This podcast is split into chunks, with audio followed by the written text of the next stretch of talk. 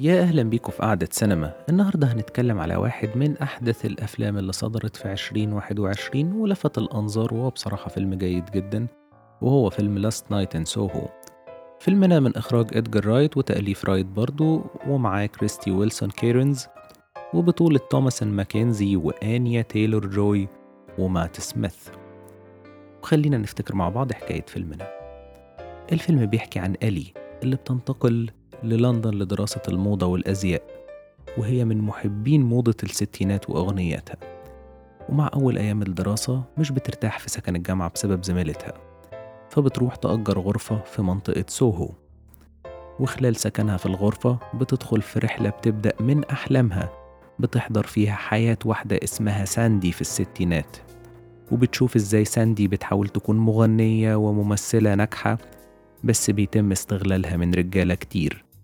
وبتشك إنها اتقتلت في نفس الأوضة اللي ساكنة فيها. بس إيلي بتكتشف مفاجأة كبيرة في الآخر. الحقيقة أنا كنت مهتم كالعادة أعرف بداية الفيلم والفكرة جاية منين لإدجار رايت. الفكرة جات له من أحد الكتب اللي جات له هدية ولفتت نظره الصعوبات والانتهاكات اللي كانت بتواجهها الستات كتير جدا في صناعة السينما. وتحديدا يمكن في منطقة سوهو كمان وده هنعرفه شوية كده. واللي صدمه بشكل كبير جدا إن يمكن ربع القصص انتهت بشكل تراجيدي جدا. وكمان كاريرز كتير أو يعني مشاوير سينمائية مبشرة انتهت بشكل سريع.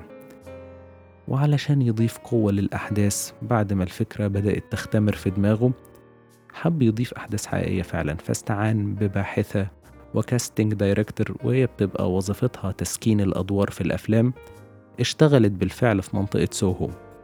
في نفس الوقت اللي بتدور فيه أحداث فيلمنا في الستينات طبعا يعني في الجزء اللي هي إلي بتحلم فيه بساندي. وكان في أحداث كتير فعلا في الفترة دي حسب كلام الباحثة دي. وده خلاه يقول إن الحاجة الحزينة إن القصة مش مستوحاة من حياة شخصية واحدة بس لأ في حكايات كتير مأساوية. والمشروع دوت طول شوية مع رايت يعني يمكن أخد معاه عشر سنين فالرحلة كانت طويلة شوية عمل فيها أفلام زي Baby Driver اللي نجح جدا وناس كتير قوي بتحبه وأنا بصراحة بحبه. وفي أفلام ما اكتملتش يعني بسبب مشاكل بس خلال رحلته الطويلة دي في صناعة الفيلم التقى بالكاتبة اللي معاه كريستي. وهي واحدة من كتاب فيلم 1917 لسام منديز اللي كسر الدنيا في 2019 واحد من الأفلام الكويسة جدا. وجود كريستي كان إضافة من ناحيتين. طبعا هي كاتبة شاطرة وده باين من 1917 بس كمان بسبب خبرتها الشخصية لأنها اشتغلت في بار في منطقة سوهو برضو زي إلي البطلة. فشافت مشاكل ومعاناة النساء في المنطقة دي. فخبرتها زائد القصص اللي عرفها رايت من أكتر من اتجاه ساهموا جدا في بناء الفيلم. ومع كمية الحكايات اللي جمعها رايت دي بيقول إنها كانت حاجة بالنسبة له مرعبة ومزعجة كمان. بس في رأيه إن ده كان مهم جدا بالنسبة لصناعة فيلم رعب. لأن النوعية دي من الأفلام بتحتاج لوجود حاجة مزعجة لصانعها عشان تقدر تحركه. دي وجهة نظره. والحقيقة النتيجة كانت جيدة في رأيي. وخلينا نتكلم مع بعض هي كانت جيدة ليه؟ الحقيقة في كام تفصيل عجبوني وحابب أشاركها معاكم. نبدأ بالصورة. الفيلم كان جيد جدا على المستوى البصري وتحديدا الأجزاء بتاعة الستينات خاصة في أول الفيلم كانت ممتعة بصريا جدا من كل النواحي. تصوير ومونتاج ورقصات كل حاجة كانت حلوة في الفترة دي بصراحة بصريا في رأيي. بس مع مرور الوقت شوية خاصة في الفصل التاني كان فيه اهتمام متزايد بالرعب والإثارة أكتر من القصة نفسها. وبدأ بقى يظهر الأشباح بشكل كتير لدرجة أنا بدأت أزهق منه. فالجانب البصري على قد ما كان جيد طول الفيلم يعني بشكل مجمل بس أقدر أقول إن الفصل التاني والتمادي في فكرة الرعب والإثارة ما كانش ألذ حاجة بالنسبة لي بشكل شخصي بس ممكن تعجب ناس تانية كتير. وكمان في ملحوظة عندي إن لحظات الحريق في آخر الفيلم فكرتني شوية بفيلم بارتون فينك لل Coen Brothers. هو واحد من الأفلام المعمولة بشكل كويس جدا تحديدا على مستوى الصورة. وفيلم حلو يعني لو محدش شافه ياريت يشوفه. فدي الملحوظات اللي عندي و يعني استكمالا لنجاحات الصورة في كوريا استعان برضو إدجار رايت بمدير تصوير كوري. فالواضح إن في تفوق كوري جدا على مستوى الصورة. نيجي بقى للتمثيل. ال cast كله كان كويس بس ما كانش في حد استثنائي في رأيي. بس التعليق اللي عندي على آنيا تايلور جوي إنها عملت دورها بشكل كويس جدا. بس هي بتعرف تعمل الشخصيات اللي وراها حكايات كبيرة حتى لو القصص نفسها مختلفة. وده اللي حصل في The Queen's Gambit اللي اتكلمنا عنه في الحلقة رقم 18 بالتفصيل. فاللي ما سمعهاش يا ريت يرجع يسمعها. فهي دايما حالات الإثارة والغموض هي بتعرف تتحرك فيها بشكل كويس جدا. وطبعا كان فيه اهتمام كبير جدا بالموسيقى والأغاني وده مش غريب على إدجار رايت وعمله في Baby Driver بس هنا الموضوع كان لطيف جدا ويعني أضاف لجو الستينات بشكل كبير. نيجي بقى للحاجة اللي البعض متحير منها شوية على الإنترنت وهي النهاية. لأن بعد المواجهة ما بتحصل مع صاحبة البيت وبتكتشف إلي إن هي هي. ساندي صاحبة البيت برضو بتحاول تموتها ومن بعدها الولد اللي بتحبه بيدخل فبرضه بتحاول تموته. وبشكل عام الجزء ده بينتهي بحريق البيت وقتل صاحبة البيت لنفسها.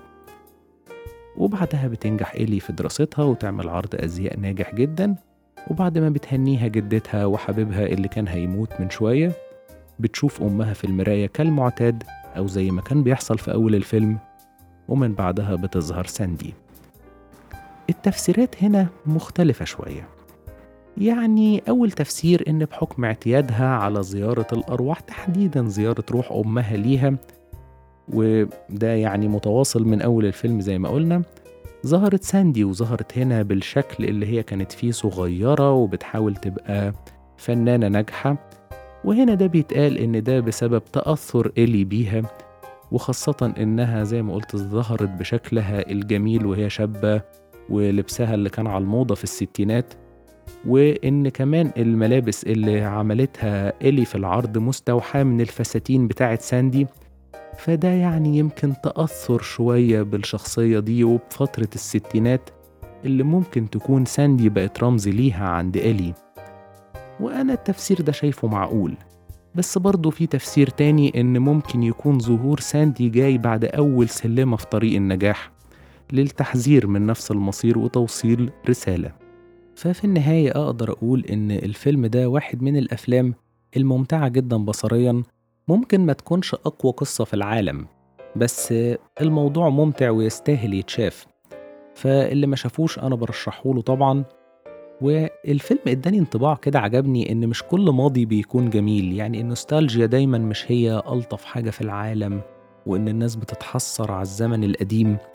لا هنا الماضي على قد ما شكله له بريق كده والناس مشدودة ليه في الأول بس مع الوقت بتكتشف إن هو مش جميل فعلا.